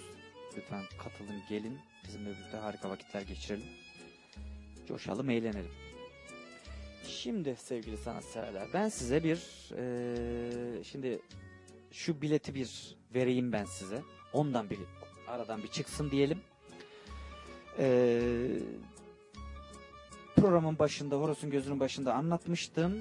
Eee, her yöne 90 dakika adlı komedi tiyatro oyununa iki kişilik davetiyem var. Eee, dediğim gibi bunu, bu davetiyeler normalde tek kişisi 19 euro. Ee, fakat ben iki kişiye e, sorumu bilen iki, bir kişiye iki kişilik davetiye vereceğim. Bu 20 Mayıs'ta e, tiyatro Zuidplein'de Rotterdam'da ve 20.30'da başlayacak bu tiyatro. E, buna iki kişilik davetiye vereceğim dediğim gibi. E, telefon numaramı tekrar hatırlatayım. Müziğimizi e, sorumuzu sormadan önce 0653 63 23 43 nolu telefondan e, bana ulaşarak sorumuzu cevaplayabilirsiniz. İstediğim şey sizden şu. Birazdan dinleyeceğiniz müziği eee, hangi filmden olduğunu soruyorum. Çok belirgin bir şarkı bu. Eee, bu sefer filmden sahne çalınmıyorum size. Ufak bir teknik aksaklık yüzünden. O yüzden filmin müziğini çalıyorum size. Eee, bakalım bilebilecek misiniz? Bilenler bana ulaşsın. Ama dediğim gibi bu davetiyi sadece telefonla ulaşanlara vereceğim.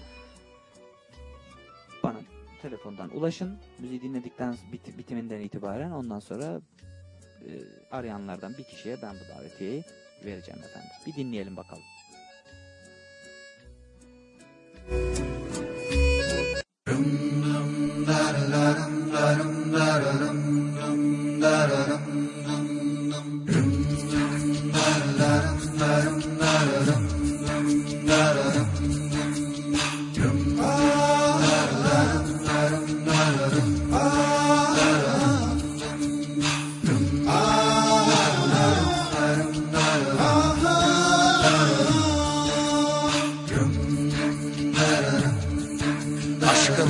Garip hallere düştüm. Her şeyim tamam da bir sendin noksan. Yağmur yaş demeden yollara düştüm. İçim ürperiyor. Ya evde yoksa. Ya yolu kaybettim ya ben kayboldum. Ne olur bir yerden karşıma çıksan. Tepeden tırnağa sırılsıklam oldum. İçim ürperiyor. Ya evde yoksa. Aşkımla ne garip hallere düştüm Her şeyim tamamdı. Bir sendin noksan Yağmur yaş demeden yollara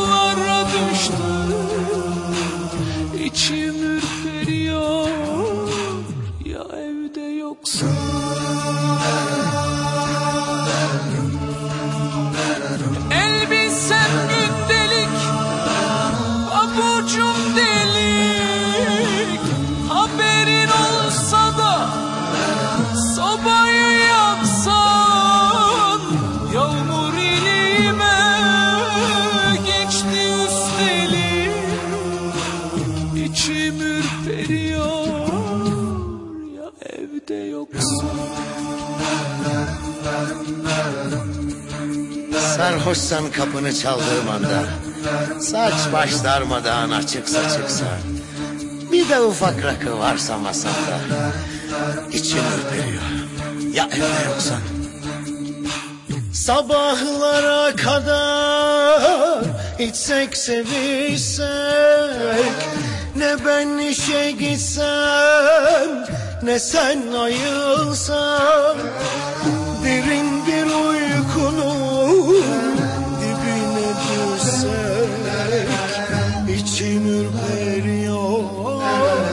ya evde yoksa İçim ürperiyor ya evde yoksa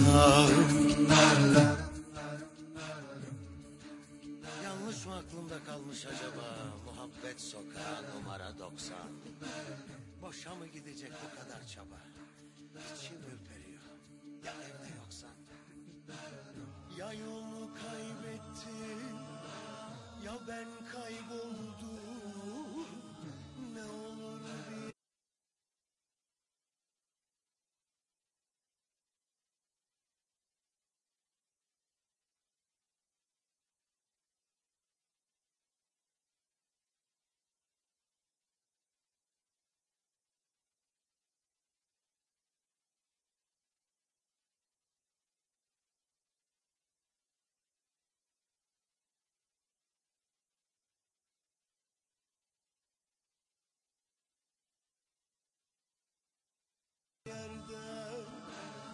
karşıma çıksa Tepeden tırnağa sırsıklam oldum İçim ürperiyor ya evde yoksa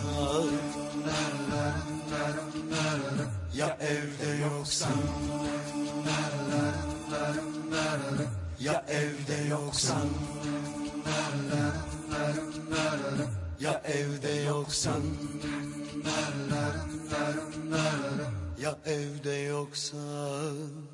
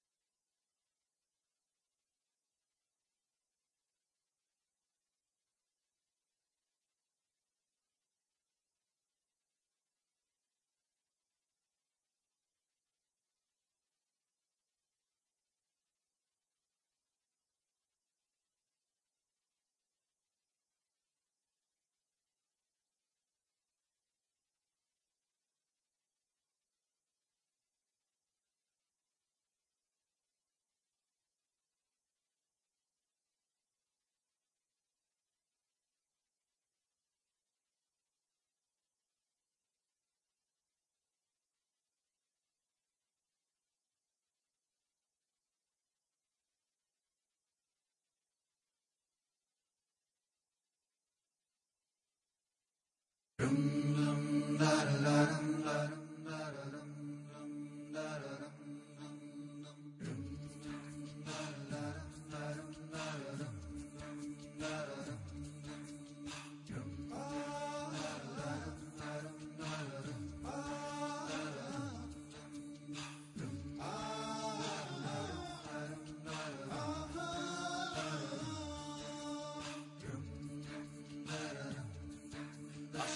Ne garip hallere düştüm. Her şeyim tamam da bir sendin noksan. Yağmur yaş demeden yollara düştüm. İçim ürperiyor. Ya evde yoksa? Ya yolu kaybettim ya ben kayboldum. Ne olur bir yerden karşıma çıksan. Tepeden tırnağa sırılsıklam oldum. İçim ürperiyor. Ya evde yoksa? Aşkımla ne garip hallere düştüm Her şeyim tamamdı. Bir sendin noksan Yağmur yaş demeden yollara düştüm İçim ürperiyor ya evde yoksa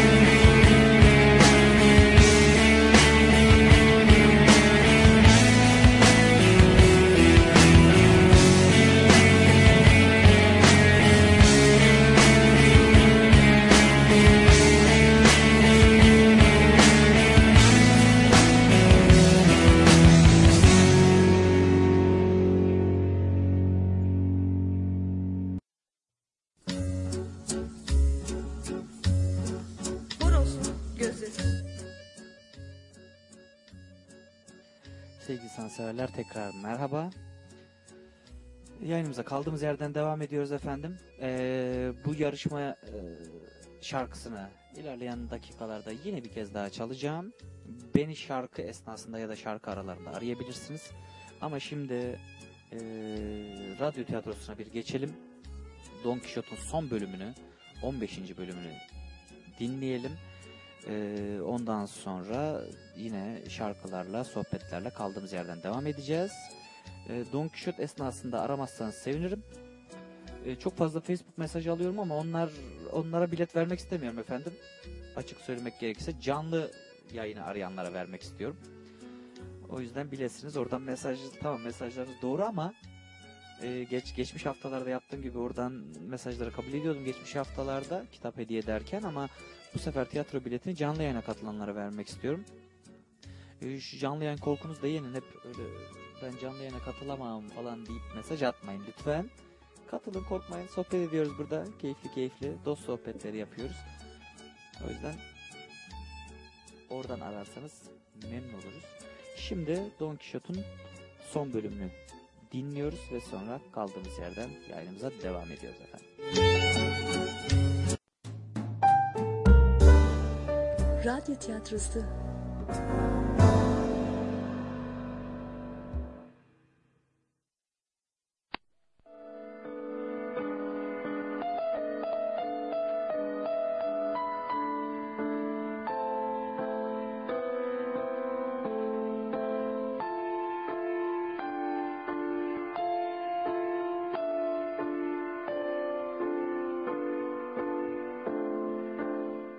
Arkası yarın.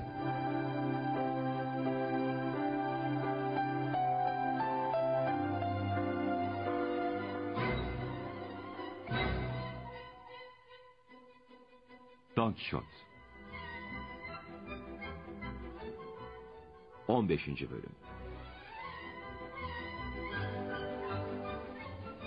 Yapım Yönetim Mehmet Köseoğlu Yazan Cervantes Uyarlama Tayfun Türkili. Seslendirme Yönetmeni İskender Bağcılar Neslihan Gürgün. Kayıt Mahmut Acar. Montaj Halil Karabacak.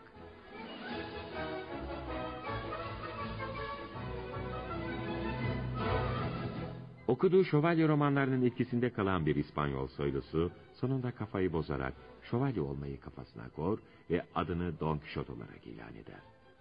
Aynı köyde yaşayan yoksul bir köylü olan Sancho Panza'yı da fethettiği bir adayı kendisine vereceğini vaat ederek yanına seyis olarak alır. Dedesinden kalma tarihi silahları kuşanarak ezilen mazlum halkı kurtarmak için yola çıkar.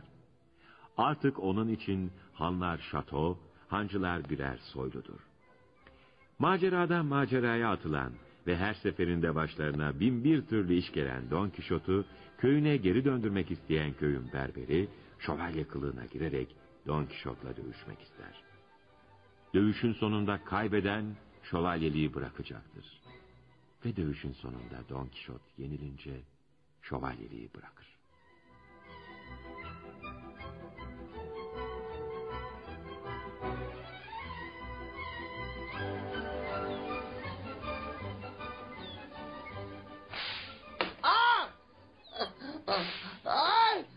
Yandım, yandım anam. Sırtımın derisi yüzüldü. Ay ay ay. Aa!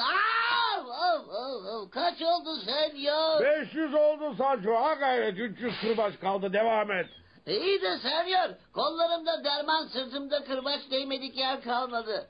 Anamdan emdiğim süt burnumdan geldi. Ama yüze yüze de kuyruğuna geldin. Biraz daha dişini sıkarsan bu iş bitti demektir. Sıka sıka sıkacak diş de kalmayacak efendim. Aman Sancho, yaman Sancho sakın vazgeçeyim deme. O 300 kırbaçla ne ki? Helva ekmek gibi yersin sen onu inan. Baklava olsa yiyecek halim kalmadı. Ben işi bırakıyorum. 3200 altınınız da sizin olsun. Yediğim kırbaçları da size helal ediyorum efendim. Yo oğlum bu kadar aptal olamazsın. Niyetini anladım senin. Neymiş efendim niyetim benim? Söyleyin de ben de öğrenmiş olayım. Ücretini artırmamı istiyorsun. Efendim yemin ederim ki Kes sesini aç gözlü şişko. Dulcinea'mın büyüden kurtulmasına ramak kalmışken işi bırakmana razı olacağımı sanıyorsan beni yeterince tanımamışsın demektir. Ya bu işi kendi rızanla bitirirsin ya da gelir kalan kırbaçları sırtına ben indiririm. Ah benim saf ve iyi yürekli efendim. İzin verin de size bir şey itiraf edeyim. Bir Bakın- kelime daha edersen yanına gelir dünyanın kaç bucak olduğunu gösteririm sana. Hem karının ve çocuklarının hatırı için hem de Dulcinea'mın büyüden kurtulması için fiyatı iki katına çıkarıyorum. Bitir şu işi. Paranın geri kalanını köye varır varmaz öderim. Fakat efendim bakın. Fakatı falan yok. Başta diyorum o kadar. Eh, günah benden gitti. Pazara çıkarsan on altın etmez bir şişkoya. Altı bin bilmem kaç altın verecek kadar enayiyseniz ben ne yapabilirim? Ah ay ay ay ay ay. Ah ah anacım ah güzel anacım. Harika, Ah, harika. ay Devam et. Sancho, Ah. devam et oğlum. Vurduğun her kırbaç güzel Dulcinea'mı büyüden kurtarıyor. Ha gayret. Ay.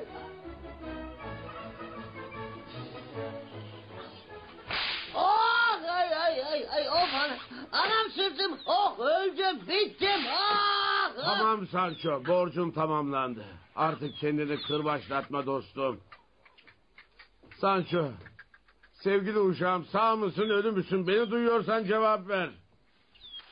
Ah ah ah keşke o düştüğüm kör kuyudan öbür dünyaya göç etseydim efendim. Ölmekten de beter haller varmış. Ah şeytan ah doymak bilmeyen muhteris nefsim. İkiniz de ne kötü arkadaşlarmışsınız. Sancho kırbaç yedikten sonra zekan ve fazilet duyguların artış gösteriyor. Şartlılar gibi hep hikmet dolu sözler söylüyorsun. Ah benim iyi kalpli efendim. Eğer iç dışa dış içe çevrilse benim ne kötü bir uşak olduğumu görür. Benden nefret ederdiniz. Kendine haksızlık ediyorsun Sancho. Hangi baba yiğit 3300'den fazla kırbaç yiyebilirdi söyler misin? Dulcenian ve ben sana minnet borçluyuz. Ömrümüzün sonuna kadar bu iyiliği unutmayacağız. Dünya gözüyle görmesem de sevgilimin büyüden kurtulduğunu bilmek bana yeter. Şu anda büyücü Fresto'nun yüzünü görmek isterdim. Seni korkak bir uşak zannetmekte ne kadar hata ettiğini anlamış hırsından çatır çatır çatlıyordum. Ah, madem mutlusunuz bana da ağzımı açmamak düşüyor. Ya, Kaş yaparken göz çıkartmak istemiyorum. aferin Sancho.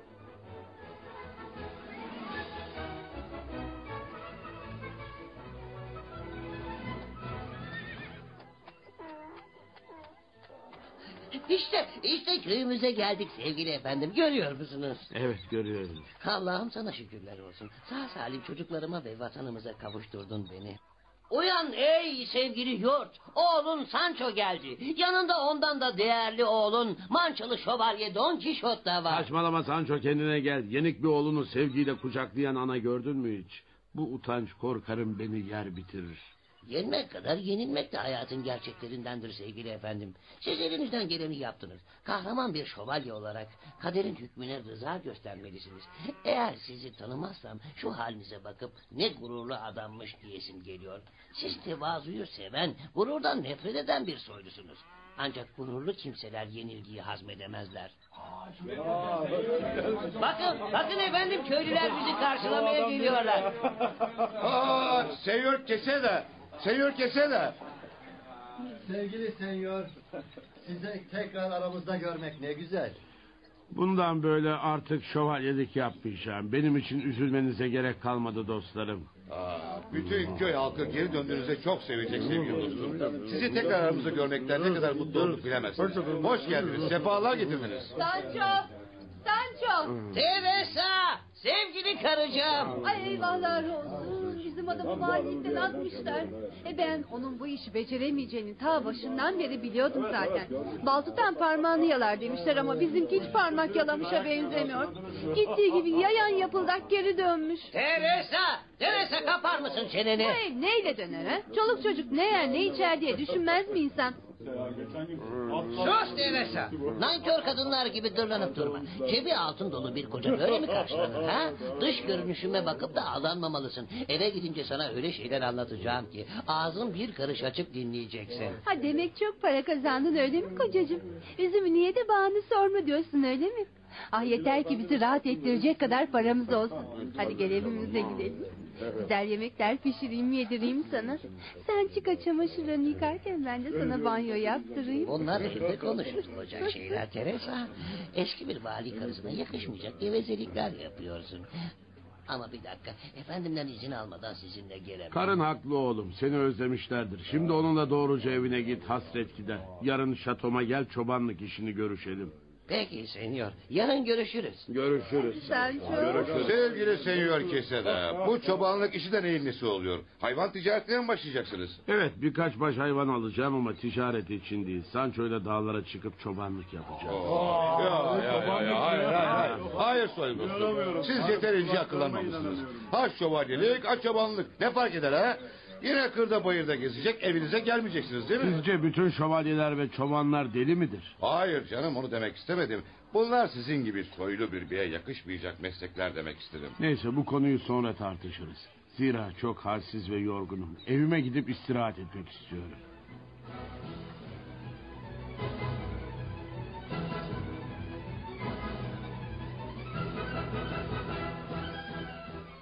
Ah sizi çok özledik efendim. Hoş geldiniz. Hoş geldiniz. Ah amcacığım sizi tekrar görmek ne güzel. Zayıflamış, solmuş, sararmışsınız. Kim bilir başınızdan neler geçti efendim. Şu anda konuşacak halde değilim. Hemen yatağımı hazırlayın. Yatıp uyumak istiyorum. Tamam tamam ben yatağınızı hemen hazırlarım. Amca anlattıkları doğru mu? Kimin ne anlattığına bağlı. Ne anlattı sana? Dağlara çıkıp çobanlık yapacağınızı söylediler. Bir seni akıllandı, evine döndü diye sevinirken bu çobanlık işi de nereden çıktı? Peder dedikoducu kadınları geçmiş. Bu haberi ne zaman yetiştirdi sizlere? Onlara ne diye kızıyorsunuz? Haklılar.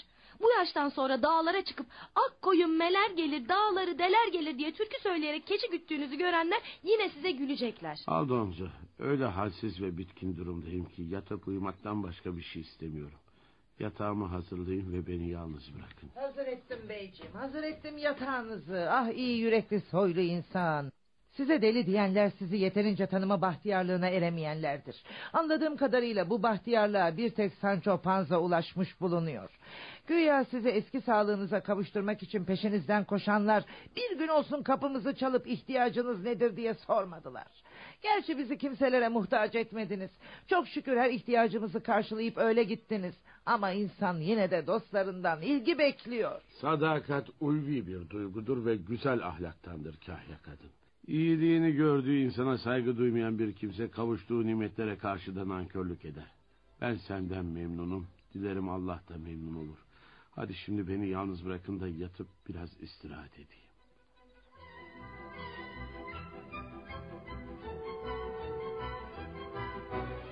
Mançalı Don Quixote altı gün ateşler içinde yattı.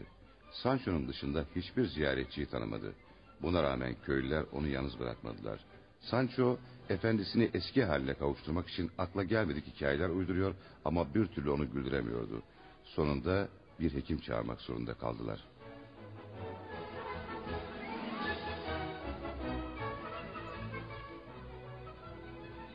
Doktor, nesi var amcamın?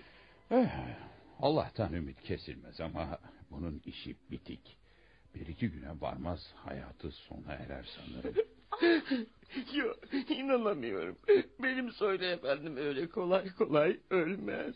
O dünyadaki insanların en iyisi, en güzeli, en hasıdır. Sevgili Sancho, şu yaptığın çok ayıp bir şey. Ne öyle yaramaz mahalle çocukları gibi tepinip duruyorsun. Sevgili efendim, gözümün nur. Bu, bu azap yetmez bana. Kalk da şöyle bir iki patakla beni. Sensiz ne yaparım ben? Nerelere giderim? Kim beni adam yerine koyar? İnan artık kimse keçilerini bile güttürmez bana. Korkma sevgili Sancho. Çıkmadık camda ümit vardır derler. Kim bilir belki daha şu fani dünyada içecek suyumuz, yiyecek ekmeğimiz kalmıştır. Ay şu güzel ağzınız bal yesin emi. Yüreğimi ferahlattınız. Mektep medrese görmedim ama ne gördümse sizden gördüm efendim. Sancho, Sancho, sen eşi az bulunur vefalı bir dostsun. Sevgili dostlarım, eğer kusuruma bakmazsanız yalnız kalmak ve uyumak istiyorum. Sabah ola ayrıla. Yarın görüşürüz. Hekimin ücretini vermeyi unutmayın.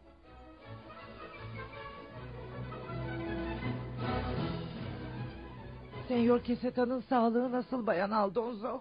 İyi değil kahya kadın. Her geçen dakika biraz daha kötüleşiyor. Ah, ah iyi kalpli seviyorum benim. Kimseleri üzmeyen yoksulların yardımına koşan iyi yürekli efendim. Keşke hep şövalye olarak kalsaydınız da hasta olmasaydınız. Kime ne zararınız Aldozo! dokunmuştur ki? Kahya kadın çabuk odama gelin çabuk diyorum. Duydunuz mu Bayan Aldozo amcanız bizi çağırıyor. Yoksa ölüyor mu? Ne var ne oldu amca? Gel kızım gel kardeşimin emaneti. Sen de gel Kahya kadın. Hayırdır beyim az önce neden öyle avazınız çıktığı kadar bağırıyordunuz? Çünkü akıllandım. Yüce Allah ömrümün son saatlerinde bana aklımı bağışladı. Günahkar biri olarak ölmeme razı olmadı. Ne demek istiyorsunuz amcacığım? Sevgili yeğenim şu anda zihnim o kahrolası şövalye romanlarını okumazdan evvelki gibi temiz ve açık. Allah'a şükürler Hemen olsun. koşun bütün dostlarıma haber verin. Onlara bir deli olmadığımı göstermek istiyorum. Akıllı bir insan ve şerefli bir soylu olarak öldüğüme şahitlik etmelerini arzu ediyorum.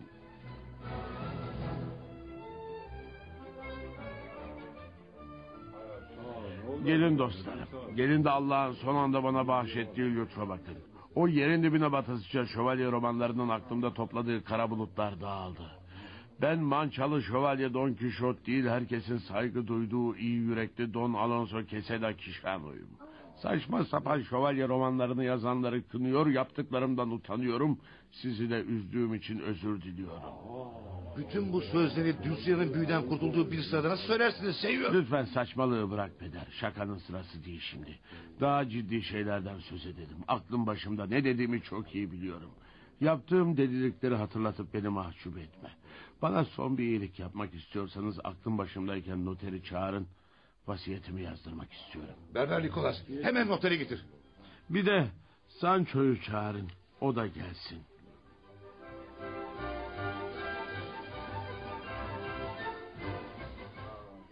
Ah sevgili efendim.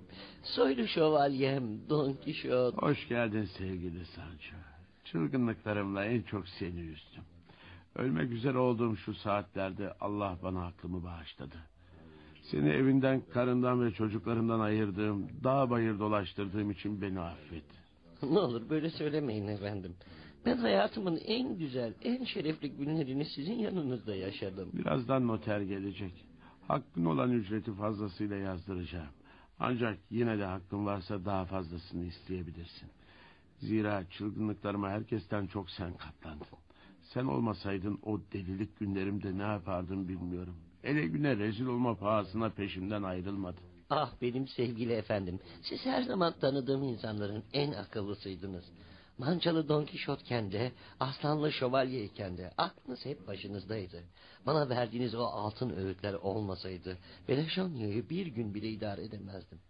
Eğer aynasız bir şövalyeye yenildiniz diye hayata küsmüşseniz suçu bana yükleyin. Ben o sırada sizi değil midemi düşünmüş kahvaltı yapıyordum. Yalvarırım size kendinizi bu kadar koyuvermeyin. Rica ederim Sancho. Aklını başına topla. Eski çamlar artık bardak oldu. Kendine çeki düzen ver. Çiftinin çubuğunun başına dön. Çocuklarının eğitimiyle meşgul ol. Yeşili koru. Hah, işte noter de geldi. Neden çağırdınız beni Senyor Keseda? Vasiyetimi yazdırmak istiyorum noter bey. Öyle mi? Söyleyin. Sizi dinliyorum. Yazın. Madde bir. Çılgınlığım sırasında bana seyislik eden Sancho'nun emekli karşılığı olarak kendisinde bulunan 3300 altınım anasının ak sütü gibi helal olsun. Ben bu altınların iki katını vermeye razıydım fakat o itiraz etti. Hepiniz şahit olun ki Sancho dürüst bir seyisti. Çılgınlığım arasında kendisine bir ada valiliği bağışlanmasını sağlamıştım. Şimdi aklım başımdayken elimden gelseydi ona bir krallık verirdim. Çünkü temiz yüreğiyle gösterdiği bağlılıkla bunu fazlasıyla hak etmişti. Efendim, iyi yürekli cömert soylu senyorum. Ben öyle bir Don Kişot'un eski postalını bile istemem. Efendim, ne olur beni de yanınıza alın. Değil üç bin bilmem kaç, bir milyon altınım olsa da kimse beni adam yerine koymaz artık. Efendisi akınlandı ama geride bütün köyün başına bela olacak zırdalı bir seyis bırakıyor. Devam et noter efendi. Madde 2. Malımın geriye kalanını kardeşimin kızı olan yeğenime bırakıyorum. Ancak bunun için bazı şartlarım var. Akıllı uslu bir gençle evlenecek. Şövalye romanlarını okuyan aylak birine varırsa mirasımdan mahrum kalacaktır. Evlense de evlenmese de emektar kahya kadınımızı ölünceye kadar kimselere muhtaç etmeyecektir. Yine evlense de evlenmese de her işimize koşturan biricik uşağımızı kendinin razı olacağı bir ücretle evde tutmaya devam edecektir.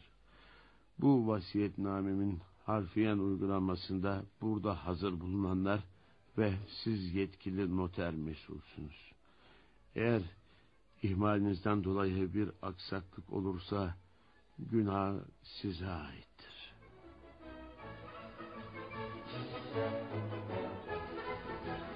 Ev halkı ve orada bulunanlarla tek tek vedalaştıktan sonra bitkin bir vaziyette yatağa uzandı.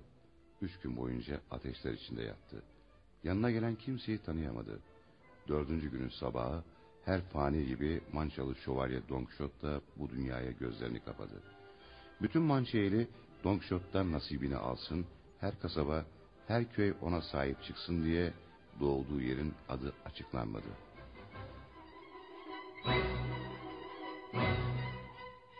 Don Quixote adlı oyunumuzun 15. ve son bölümünü dinlediniz. Bir başka oyunda buluşmak üzere, hoşçakalın.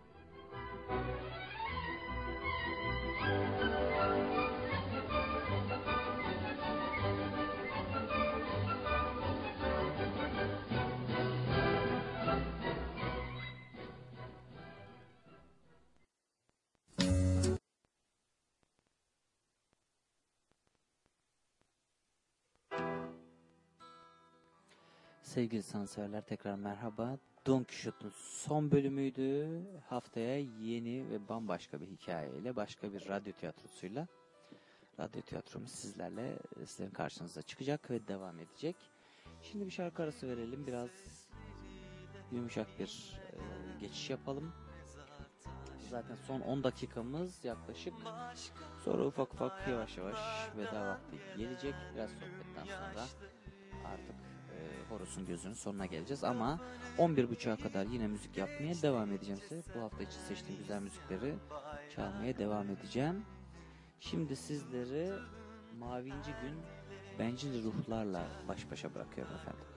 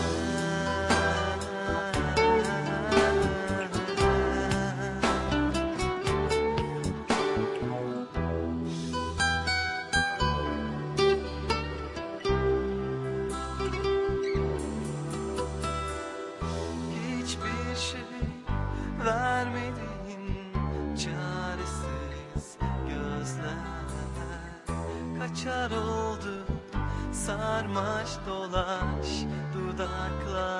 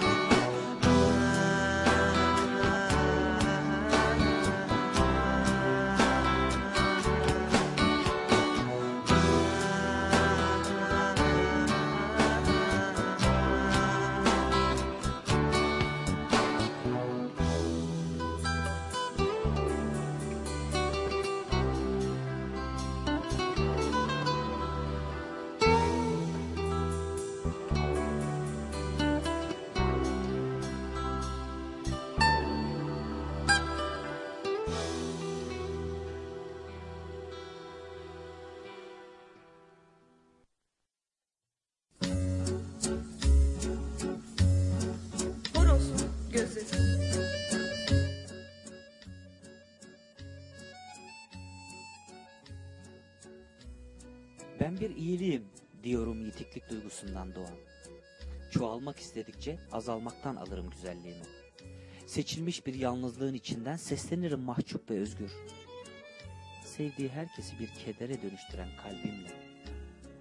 Karlı bir boşluğa inen gece çocuk kalır odamın yanında. Kalabalığı kanıt gösteririm kalabalığın kendine. Hiçbir yakınlık, hiçbir hayale su taşımaz, buğday olmaz, un vermez. Kendini sevmeni süsleme diyor kitaba bakan dostum. Bencil bir acısın sen. Kimseye sezdirmeden gülümsüyorum kalbimdeki kalabalığa. Öyleyse neden odama düşüyor çekilen her perdenin yalnızlığı? Ağzının pasını topuklarımdan aldığım çocuk. Suyum, unum, buğdayım. Herkesin başkasını konuştuğu bu aynalar pazarında seni kimselere söylemeden öleceğim. Pek yakınlarda geçenlerde buralarda olan Şükrü Hocam, sevgili dostum aynı zamanda Şükrü Hocam'ın bir şiiriydi bu 2000 yılında yazdığı. Çok da sevdiğim şiirlerinden bir tanesidir onu paylaşmak istedim sizlerle. Efendim eee, son bir şarkı daha dinleyelim ve ondan sonra sizlere veda edeyim ve dediğim gibi bir yarım saat kadar daha güzel eski müzikler eee, çalmaya devam edeceğim sizlere. Şimdi efendim sağanak gelsin, sensiz desin ve sonra ben veda etmek için karşınızda olacağım.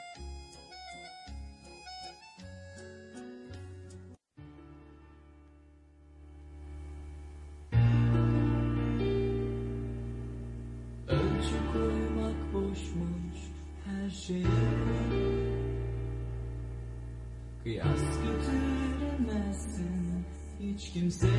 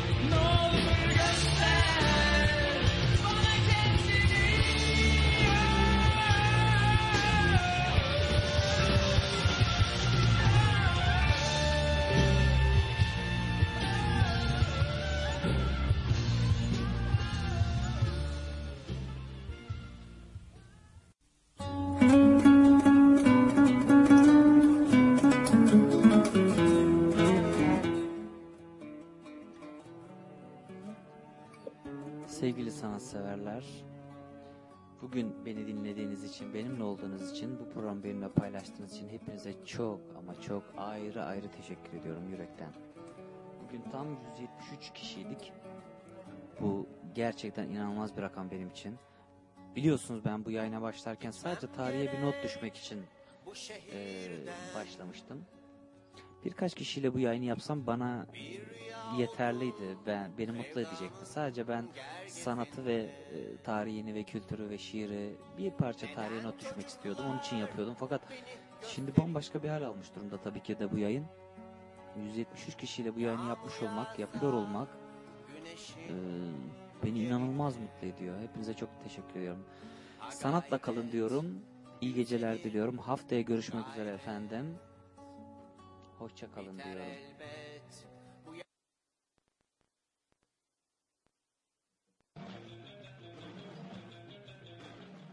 Horos'un gözü.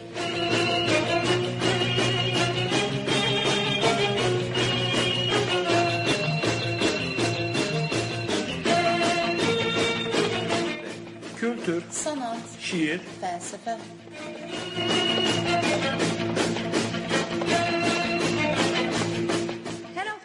Yarışmalar Horos'un gözünde.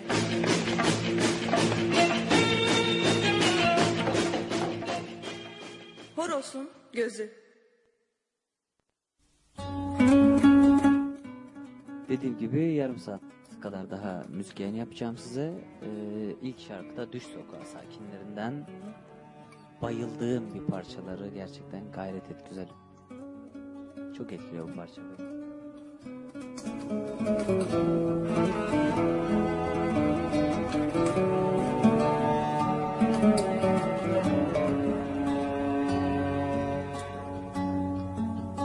Gitmem gerek bu şehirden.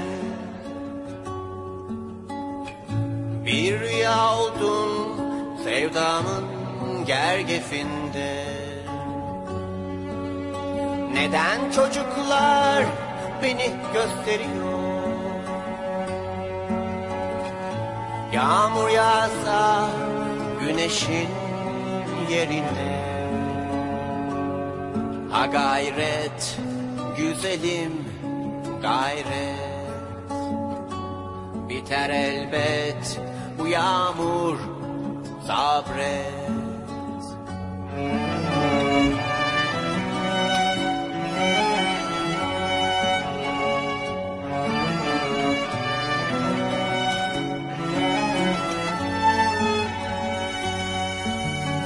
Sensizlikten olsa gerek Çekilmez oldu buralar.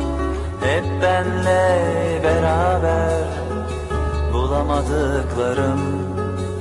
Bak cesaretim yok artık Geç oldu yorgunum.